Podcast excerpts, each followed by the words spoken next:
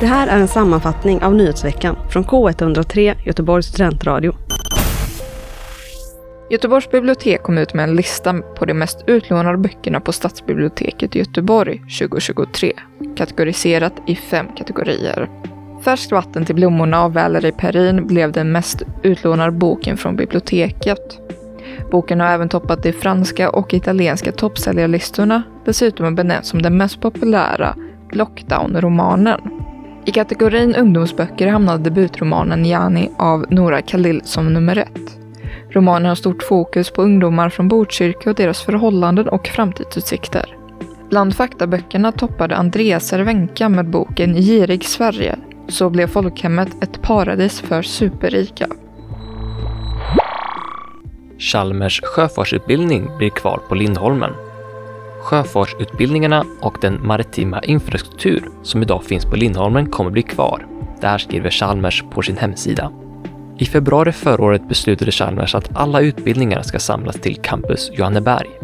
Planen är att alla utbildningar på grundnivå ska vara redo på Johanneberg till höstterminen 2025. Detta gäller alltså inte sjöfartsutbildningarna.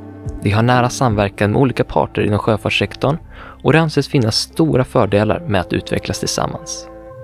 Ett nästa steg blir bland annat hur den organisatoriska placeringen inom sjöfartsutbildningarna ska bli, något som beräknas vara klart i maj 2024. Sökbeteendet bidrar till den sociala snedrekryteringen till högskolan. Detta visar en ny utredning från Universitetskanslerämbetet. Det är sedan länge känt att den sociala snedrekryteringen till stor del beror på de sökandes sociala bakgrund, vilket förklaras med sämre förkunskaper hos studenter med föräldrar som har lägre utbildning.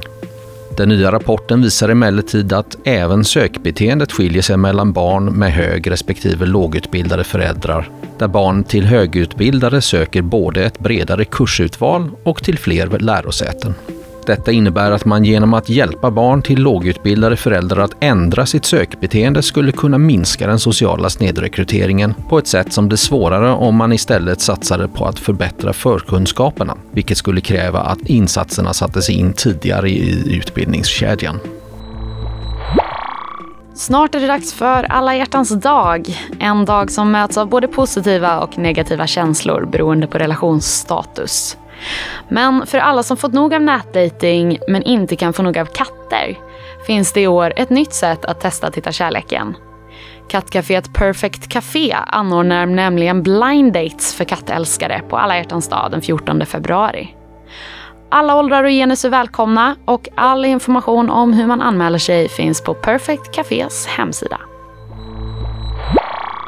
En undersökning av Hyresgästföreningen visar resultaten att runt var fjärde ungdom bor ofrivilligt hemma i Storgöteborg. Många ungdomar har en oro kring om det kommer att vara möjligt att hitta boende i framtiden. Hyresgästföreningen har även menat att de unga är de som blir mest utsatta i bostadsmarknaden genom att bli utsatta för allt från trakasserier till ockerhyror. Föreningen säger att det finns tre föreslagna åtgärder för att förbättra ungdomarnas situation. Att förmedla bostäder efter behov och inte bara kötid. Stärka bostadsbidrag. Dessutom att bostadsbyggandet ska ha tillgång till bra bygglån. Beatrice Klein, bostadspolitisk strateg för Hyresgästföreningen, säger till Mitt i Göteborg, citat. Det blir ett problem för hela samhället när ungas boendesituation påverkar deras val och framtidstro. Slutcitat. Högre utbildning hjälper inte att minska inkomstklyftorna mellan män och kvinnor i familjer. Det visar en ny undersökning från SCB.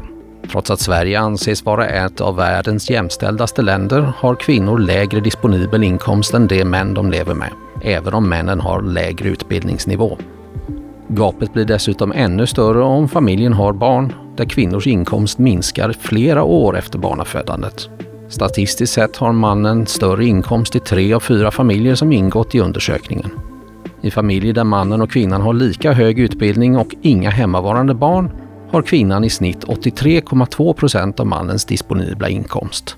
Trots detta är högutbildade kvinnor mer ekonomiskt jämställda jämfört med lågutbildade kvinnor.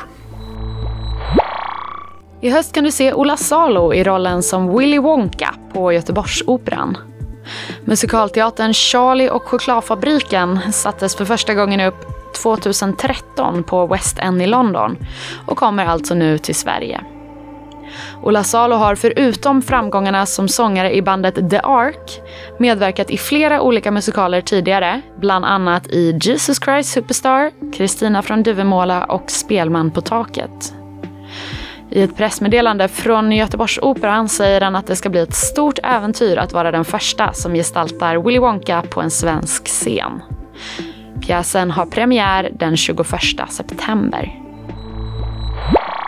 Regeringen tillsätter en utredning för att se över svensk filmpolitik. Det här skriver regeringen på sin hemsida. Det var i samband med öppningen av Göteborgs filmfestival i fredags som kulturminister Parisa Liljestrand meddelade att en utredning ska tillsättas. Anledningen är bland annat det minskade intresset för svensk film, de fallande publiksiffrorna på biograferna och den vacklande streamingtjänstemarknaden. Liljestrand säger att det finns ett stort behov av att se över filmpolitiken så att statens stöd kan göra största möjliga nytta och att den konstnärliga friheten säkras. Utredningen kommer bland annat undersöka ekonomiska förutsättningar, teknikutveckling och konsumtionsmönster. Resultatet av utredningen kommer presenteras i slutet av februari 2025. Fackförbundet DIK konstaterade i en rapport om resurskrisen inom humanistisk och samhällsvetenskaplig forskning att Humsam får mindre än en tredjedel så lite av statens forskningsanslag jämfört med ämnena medicin, teknik och naturvetenskap. Detta trots att mer än hälften av alla studenter tillhör Humsam. Och konsekvenserna av nedprioriteringen är att det utbildas för få doktorander för att täcka framtidens behov av lärare inom dessa ämnen, konstaterar rapporten. Samtidigt behöver lektorerna lägga mer tid på sin undervisning vilket minskar deras möjlighet till forskning och leder till högre grad av stress och otrygga anställningsvillkor. Rapportens författare menar att samhället kommer att drabbas genom att forskarna får mindre möjligheter att förklara hur vi ska hantera vår tids stora utmaningar, bland annat krig och konflikter, klimatförändringar och de växande hoten mot demokratin. Tipsa oss om nyheter på info.k103.se